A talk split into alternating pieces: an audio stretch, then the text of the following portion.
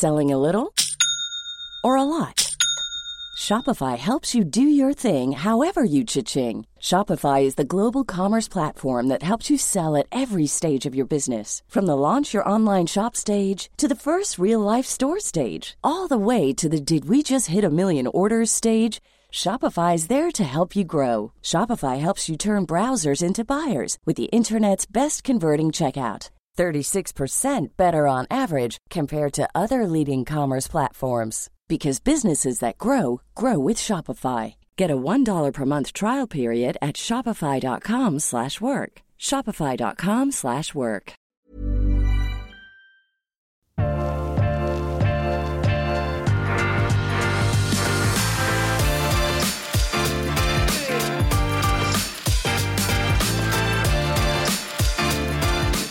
I denne episoden av um, Ukens vintips er vi på besøk hos selveste Krug.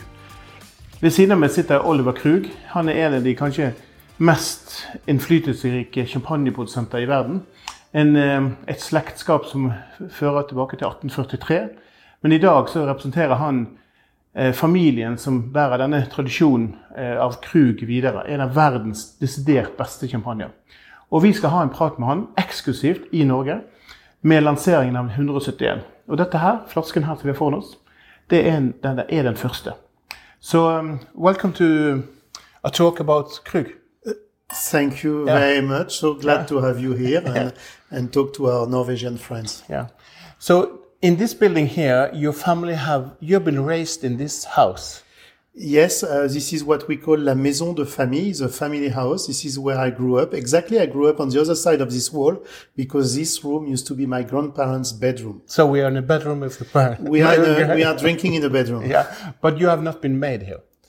I, not as far as I know. okay, okay. Maybe we have a secret to tell.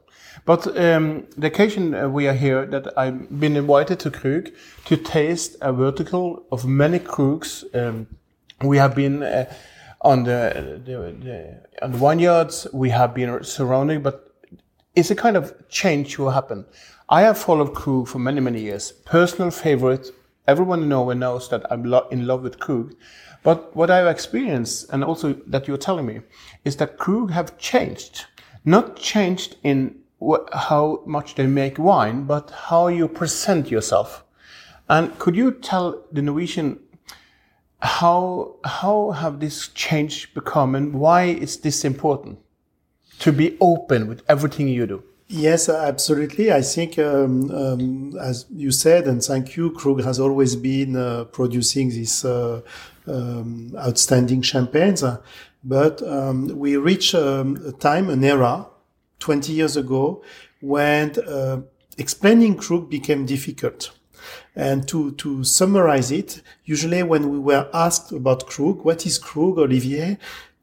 We were explaining how Krug was made. And technical. Technical. Yeah. So this was um, talking a little bit to people who knew, but people who knew, they were not asking the question. They were asking other questions, such as, can you give me the difference between this and that bottle? How is the climate? How did you blend last year? Because I heard that the Pinot Noir were, etc., etc. And the responsibility of the head of a house is to talk to its audience, its future clients. And you all remember when you read this uh, podcast, um, the first time you had Krug, someone introduced you to Krug. And today, most people will not be introduced to Krug in their family by their grandparents. They will be introduced to Krug in the world. So we have to find a way to talk more easily about Krug. And Krug was the best well-kept secret, as you know well mm. yourself, in the world of champagne.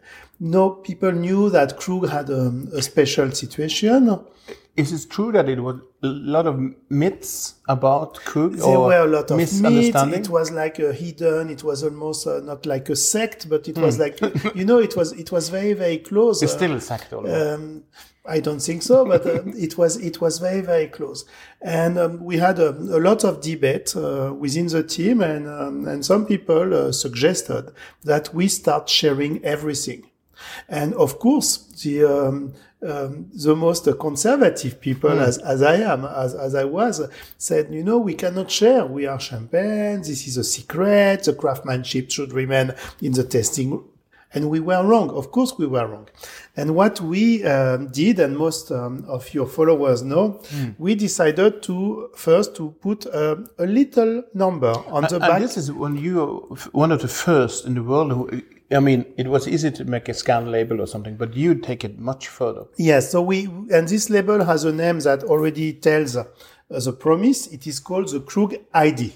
So this label is the ID. This number is the ID of uh, your bottle. So for example, um, you have this bottle of Grand Cuvée, you have the ID, you, um, you want to know the story, you don't know when it was made, how many wines, what kind of climate, maybe you, you need um, advices on, on the glassware, on the pairing, uh, whether food and music pairing that we also do at Krug. Anyway, you um, you um, you search this number, or even you you use the Krug app, uh, which is free, by the way. This is the only thing free at Krug, so people should not hesitate to download the Krug app.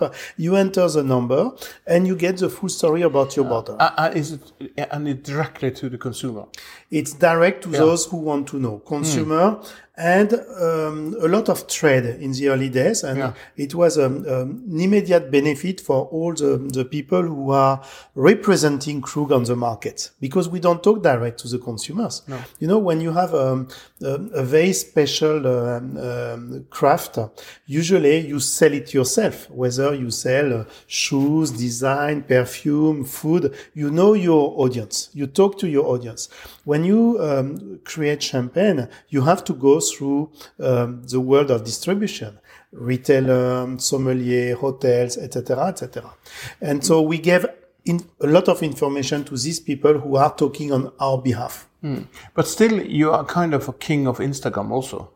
So this is your, your your personal Instagram account and Krug is it's not connected. But to follow you at Instagram, I we will take it under the the listing in the podcast. But but uh, to learn about how the inside the behind the scenes of of Krug, it's important because this openness you, you- are open with everything you do and you you come here and you tell me things uh, who is not official but you tell me very openly how it is Yes. uh, uh, and I think it's nice because uh, it's just a reflection that, that Krug is not only a brand, but a quite personal thing. And you can see that from, from the waiters, from the people who work here, from the drivers, from everyone, that they are happy. Krug is a Krug is a is a is has a family uh, spirit. Everyone belongs to the house of Krug. There is no uh, hierarchy allowing anyone to speak uh, louder. This is, I mean, But, but this, this have also been left from the past. You know, This has so this is been new. you know? this. Yeah.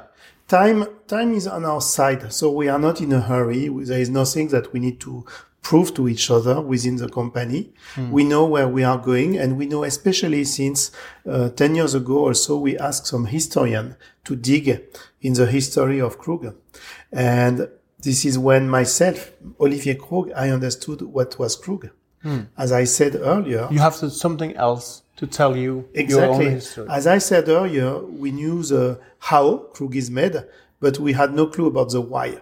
And what people want to know is why. Why is there a champagne that has every year for more than 170 years, every single year, created um, the best possible quality, while in theory, this is not possible. And I had no answer to this question 12 years ago.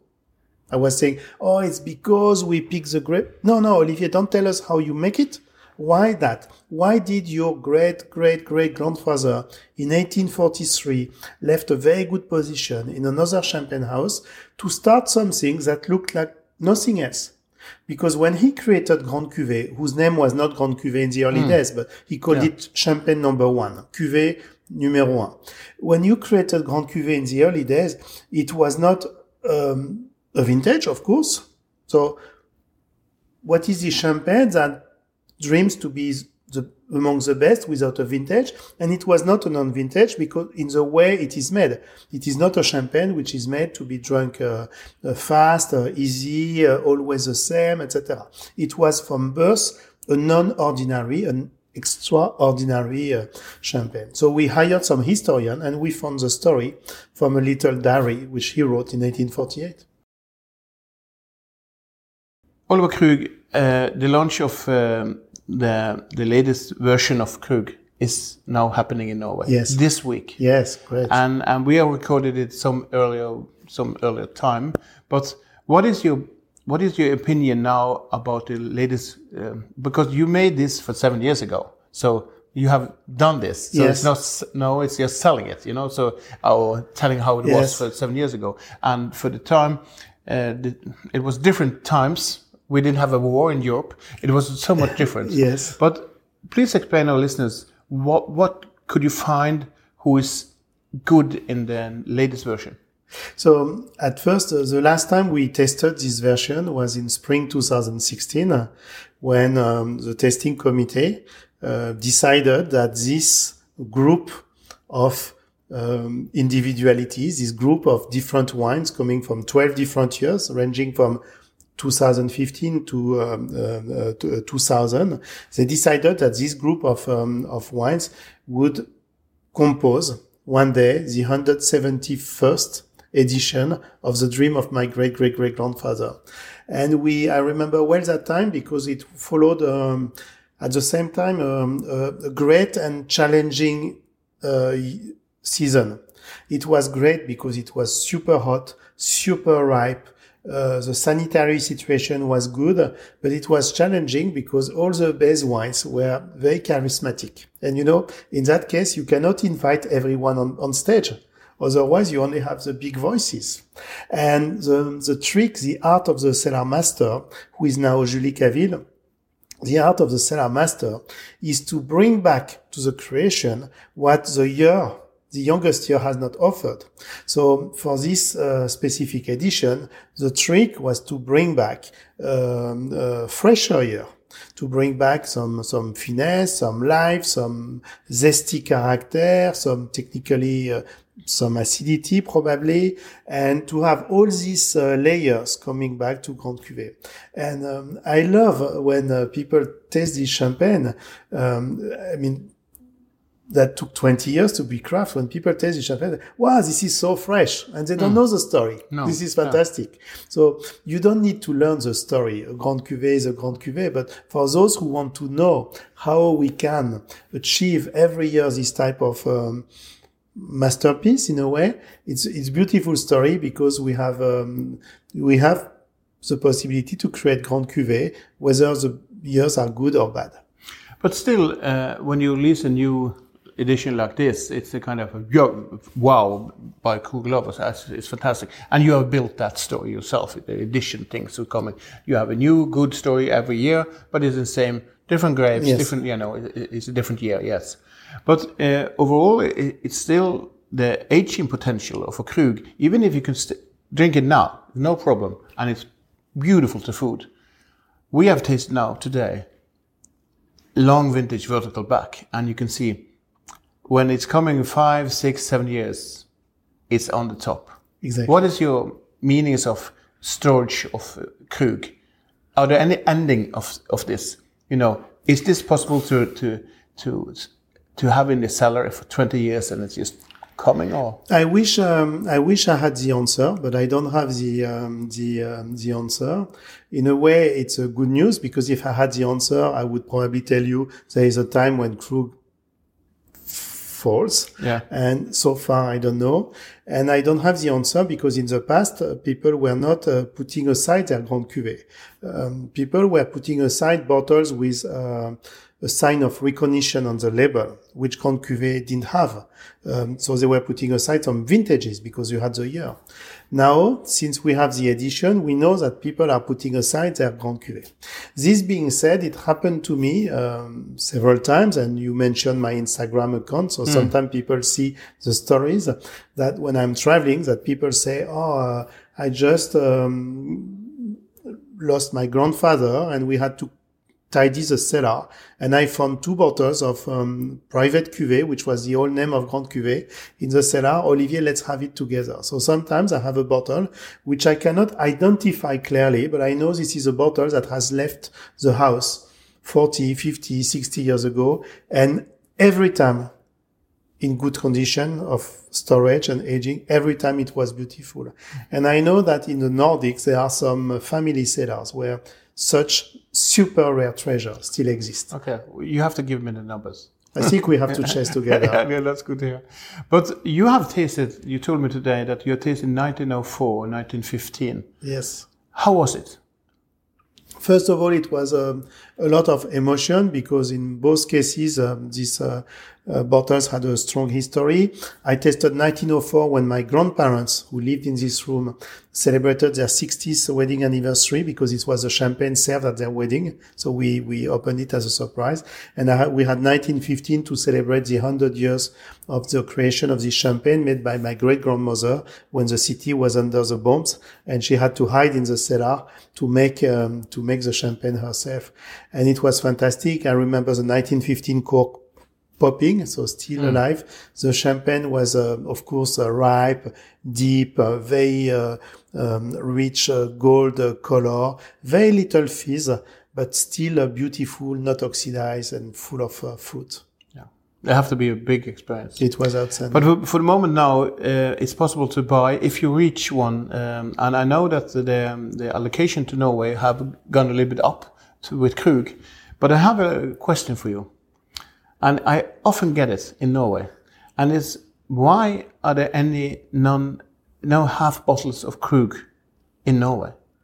Is this in Sweden, but not in Norway? Do you have an answer, or so could, you, there is, could we check it up? There is probably a history of um, of um, distribution, and and sometimes we cannot increase the supply to a market because historically the market was not asking for such quality or such um, uh, volume.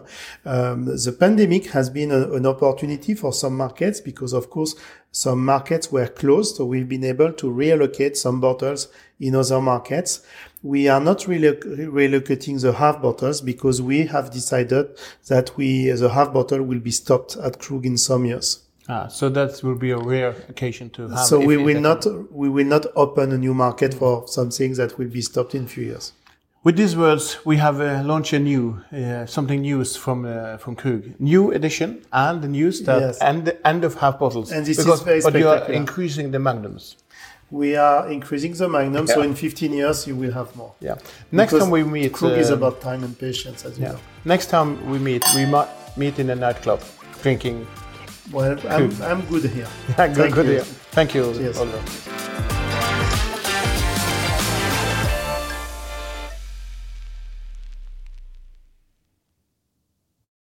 Ukens vindtips med Svein er en Finansavisen-podkast. Programleder er Svein Lindin, produsent er Lars Brenden Skram, og podkast- og videoansvarlig er Marius Mørk Larsen. Ansvarlig redaktør er Trygve Hegdar.